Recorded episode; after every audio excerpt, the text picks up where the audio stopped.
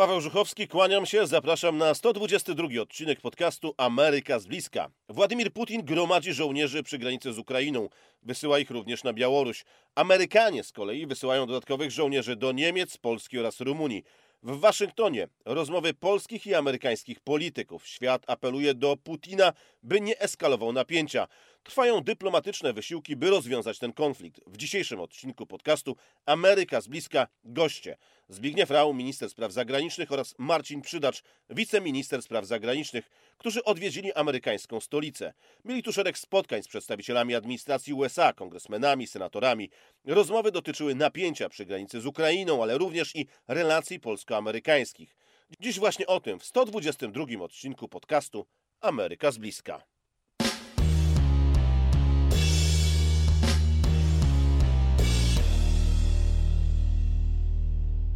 Na początek tradycyjnie przypominam, że doskonałym uzupełnieniem tego podcastu jest moje konto na Instagramie, dlatego że to, o czym mówię w podcaście, e, bardzo często pokazuję też na Instagramie. Zamieszczam zdjęcia, filmy, relacje. Tam też z Wami dyskutuję, odpowiadam na Wasze pytania. Dlatego zachęcam, byście dołączyli do obserwujących moje konto na Instagramie. Znajdziecie je wpisując w wyszukiwarkę Instagrama moje imię oraz nazwisko. Przypomnę, Paweł Żuchowski. Serdecznie zapraszam, a teraz przechodzimy już do tematu dzisiejszego podcastu. Zbigniew Rau, minister spraw zagranicznych, gościł w stolicy USA. Tu rozmawiał o sytuacji przy granicy z Ukrainą, także współpracy polsko-amerykańskiej. Szefa polskiej dyplomacji pytałem właśnie o to, jak mają się stosunki między Polską a USA, jak się ma sojusz polsko-amerykański.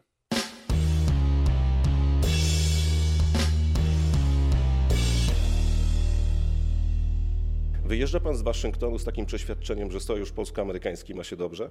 Ma się znakomicie i nic nie wskazuje na to, żeby było inaczej, ale nie jestem tym zdziwiony, bo przecież z naszymi sojusznikami amerykańskimi pozostajemy w stałym kontakcie, który ze względu na napięcie wokół Ukrainy jest jeszcze intensywniejszy niż do tej pory. Czy to nie jest trochę tak, panie ministrze, że Władimir Putin przeliczył się, bo być może grał na rozbicie sojuszu, a tutaj sojusznicy mówią jednym głosem w sprawie Ukrainy? Rzeczywiście y, trudno mi wypowiadać się, y, na co liczył prezydent Putin, na co liczy nadal, bo to nikt nie zna y, zamysłów innych polityków. Natomiast bez wątpienia Sojusz Północnoatlantycki w czasie narastania tego kryzysu przejawia coraz większą jedność i wspólne rozumienie sytuacji. To na pewno. Panie ministrze, czy te relacje polsko-amerykańskie z administracją Joe Bidena weszły już na taki poziom, że możemy spodziewać się w najbliższym czasie na przykład zaproszenia prezydenta Andrzeja Dudy tutaj do Waszyngtonu, a być może wizyty Joe Bidena w Warszawie, co byłoby jeszcze takim silniejszym chyba sygnałem dla Władimira Putina o tej sojuszniczej lojalności? Ja bym, ja bym naszych relacji ze Stanami Zjednoczonymi, które są e, ścisłe, owocne i przede wszystkim stabilne, nie łączył z tym czy z innym wydarzeniem politycznym. Na pewno do takich e, wizyt, o których pan redaktor mówi, dojdzie, bo to jest naturalna rzecz między, między bliskimi e, partnerami. Panie ministrze, Spotykał się pan tutaj z amerykańskimi senatorami, kongresmenami, oczywiście najważniejsze spotkanie z sekretarzem stanu w Departamencie Stanu. Co mówią Amerykanie na temat e, agresji Rosji? Czy tutaj panuje takie przekonanie, że do tej agresji dojdzie, że dojdzie do inwazji na Ukrainie? E, panie redaktorze, no, wszyscy politycy, z którymi się spotykałem, są politykami odpowiedzialnymi. E, nie podchodzą do e, wydarzeń tego kalibru, o którym mówimy, narastanie konfliktu w naszej części Europy, jak do zjawiska, które możemy porównać, no powiedzmy sobie, do e, ruletki, że albo będzie znakomicie, albo nie będzie nic. Trzeba po prostu być przygotowanym na każdą sytuację i na tym polega odpowiedzialna polityka. Panie ministrze, e, 1700 żołnierzy to jest decyzja Joe Bidena dotycząca wysłania ich do naszego kraju. Część jest już e, w Polsce. E, Czy to jest e, pierwszy krok? E, czy Liczy pan na większą amerykańską obecność e, i na kolejny krok Joe Bidena? Dyskurs polityczny wśród naszych sojuszników w NATO obecnie e, wskazuje na to, że z taką możliwością należy się liczyć, z zaznaczeniem, że ona nie dotyczy wyłącznie żołnierzy amerykańskich, ale także innych państw NATO. Czy mówi pan o tym, że inni amerykańscy, inni żołnierze z innych państw mogliby przyjechać do Polski w najbliższym czasie?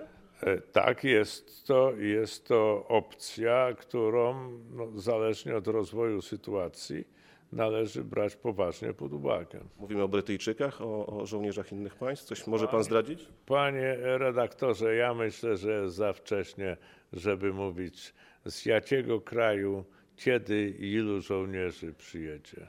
A czy o tych dodatkowych żołnierzach amerykańskich, jak pan rozmawiał, to padły jakieś nie wiem, liczby, terminy?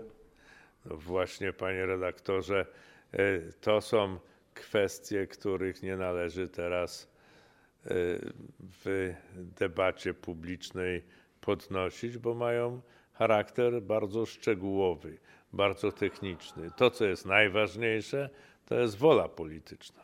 A czy jest wola polityczna?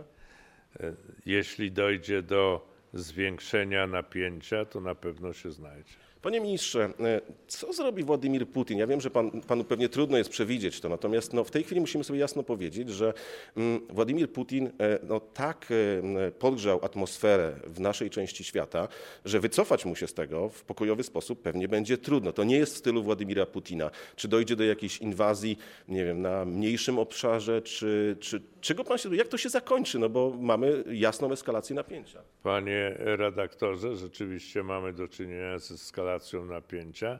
Niemniej jednak to nie jest kwestia e, tego czy innego sposobu e, działania danego polityka, czy e, jego zamiłowania do większego czy mniejszego ryzyka. Owszem, to są wszystko uprawnione elementy uprawiania polityki, ale zawsze przeważa to, co sprowadza się do kompleksowej, stosunkowo chłodnej kalkulacji politycznej. I my na Zachodzie na taką kalkulację po stronie rosyjskiej staramy się mieć wpływ. Chodzi o to, żeby doszło do deeskalacji i stawiamy tutaj na dialog i dyplomację, no ale jak pan doskonale wie, w połączeniu z tym, co się nazywa odstraszaniem i wzmocnieniem zdolności obronnej sojuszu. Władimir Putin nie może pogodzić się z rozpadem ZSRR i o tym doskonale wiemy. Ukraina to prawdopodobnie jest y, jeden krok, Białoruś drugi, albo w odwrotnej kolejności. Czy myśli pan, że e, w głowie Putina naprawdę rysuje się scenariusz e, jakiejś wielkiej Rosji, jeszcze większej, z y, no, podporządkowaniem sobie kolejnych państw?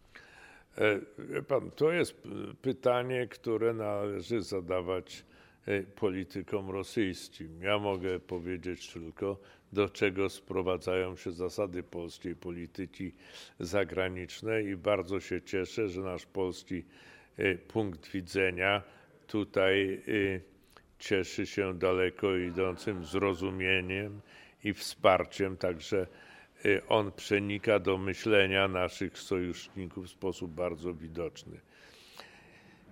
Byliśmy i jesteśmy przeciwko tak zwanemu koncertowi mocarstw i y, wskazywaniu stref interesów. Jeśli byśmy się na to zgodzili, jeśli Pakt Północnoatlantycki na to by się zgodził, oznaczałoby to ni mniej, ni więcej, żeby doszło do regionalizacji bezpieczeństwa. Jedni byliby e, w, e, w regionach, gdzie to ich bezpieczeństwo będzie silniejsze w ramach NATO, inni, gdzie będzie słabsze. No a to nie miałoby nic e, wspólnego z założeniem, że wszystkie państwa w naszym transatlantyckim partnerstwie są wolne, równe i zasługują na to samo, takie samo bezpieczeństwo. Na koniec jeszcze jedno krótkie pytanie, panie ministrze. Jest pan przekonany, że NATO nie ustąpi i nie podda się tej presji e, Putina e, o zamkniętych, otwartych drzwiach? Władimir Putin chciałby, żeby NATO no, zamknęło się, nie, nigdy nie przyłączyło Ukrainy do paktu. E, myśli pan, że w czasie negocjacji na pewno ta sprawa nie będzie zmieniana? Panie redaktorze, idea Paktu Północnoatlantyckiego i jego działania, ale także jego woli politycznej sprowadza się do tego, że drzwi zawsze muszą być otwarte. To jest rzecz absolutnie fundamentalna, bo Pakt Północnoatlantycki jest dobrowolnym, dobrowolnym sojuszem wszystkich jego członków. Żeby stać się takim członkiem, potrzebna jest jednomyślna zgoda członków sojuszu i zgoda państwa aspirującego. I tylko tyle. Nie zgoda żadnej trzeciej strony. Inna jest kwestia, czy w danym momencie ta zgoda oparta na jednomyślność członków sojuszu jest możliwa do zapewnienia. I to jest rzecz najbardziej fascynująca w obecnym konflikcie wokół Ukrainy. Czy konsekwencje tego y, konfliktu będą prowadzić, zbliżą nas do takiej jednomyślności dotyczącej przyjęcia, czy wręcz przeciwnie.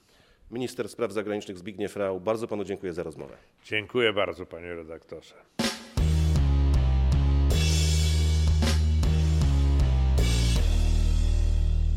Stolicę USA odwiedził też Marcin Przydacz, wiceminister spraw zagranicznych. W polskiej ambasadzie w Waszyngtonie również rozmawialiśmy o sojuszu i relacjach polsko-amerykańskich. Widać wyraźne ożywienie, wiele spotkań i rozmów przedstawicieli Polski i USA.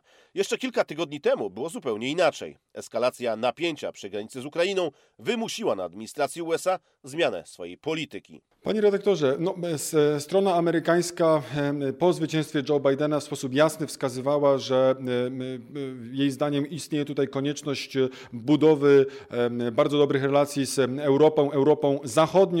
Wiemy, że wiele państw Europy Zachodniej z poprzednią administracją relacje miewała trudne, więc nie ma się też co dziwić, że w pierwszej kolejności Waszyngton stawiał na budowę tych relacji. My zawsze ze strony Polski jako no, ważnego państwa Europy Środkowej byliśmy gotowi do tego dialogu. Te rozmowy oczywiście również w ostatnich miesiącach trwały, natomiast jasnym jest, że ta aktualna sytuacja bezpieczeństwa zbliża nas, zbliża Polskę i Stany Zjednoczone w, w kontekście oczywiście tych agresywnych działań Rosji, to u naszego sąsiedztwa obserwujemy mm, tę agresywną politykę.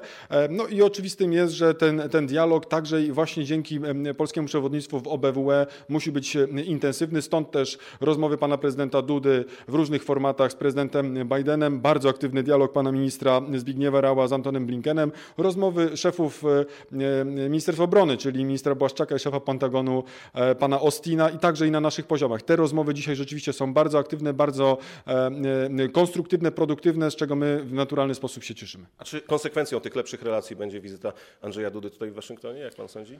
Panie redaktorze, e, na tym etapie ważne jest, żebyśmy się koncentrowali na konkretnych decyzjach i działaniach e, dotyczących pokoju e, na, w Europie Wschodniej.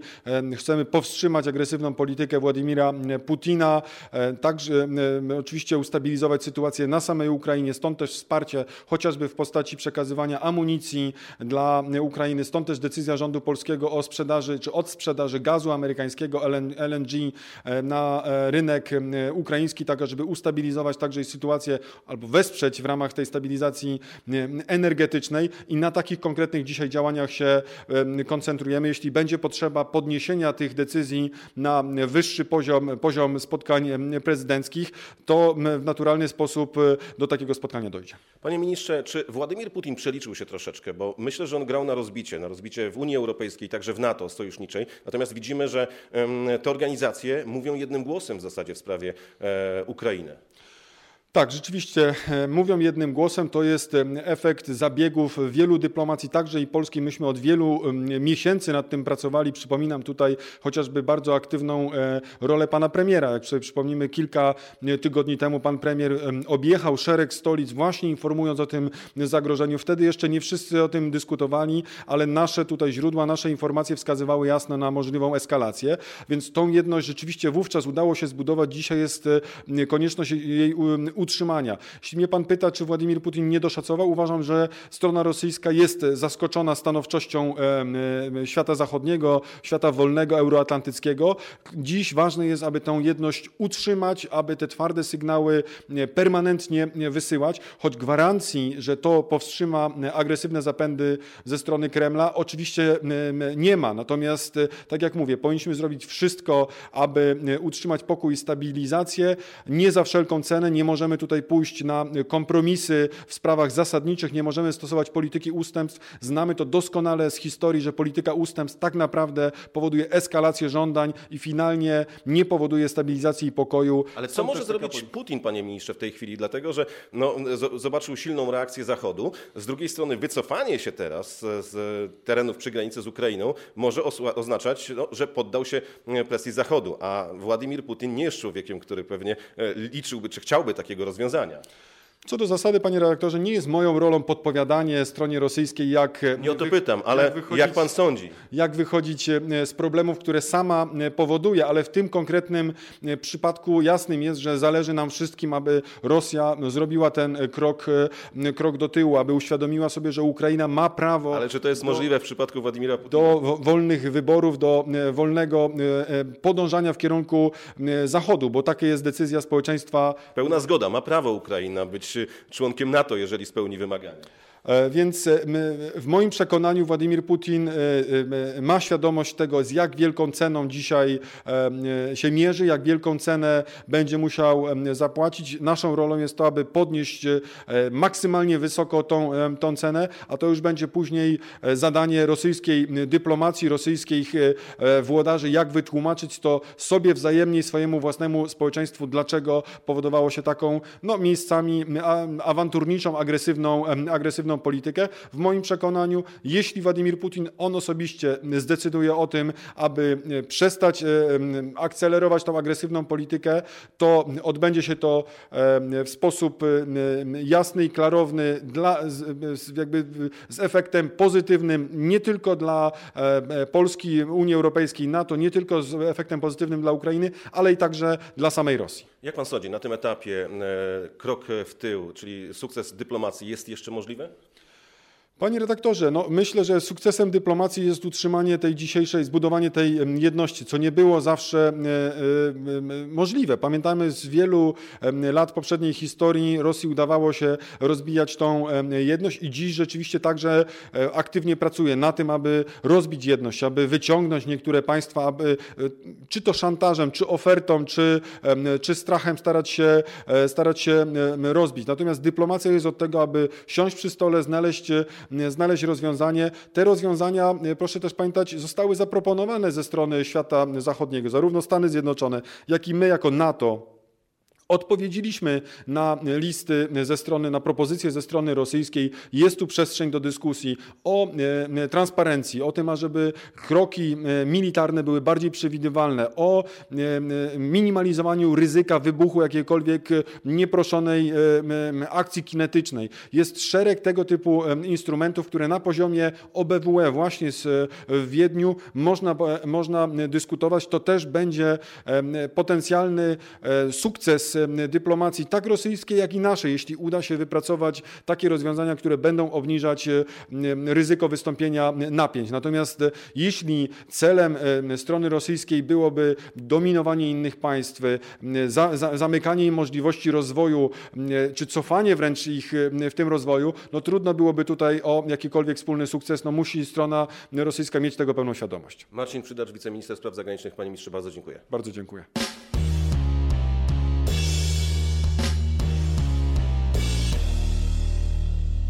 To był 122 odcinek podcastu Ameryka z bliska. Dziś było o zagrożeniu ze strony Rosji i relacjach polsko-amerykańskich, które nabierają nowego wymiaru.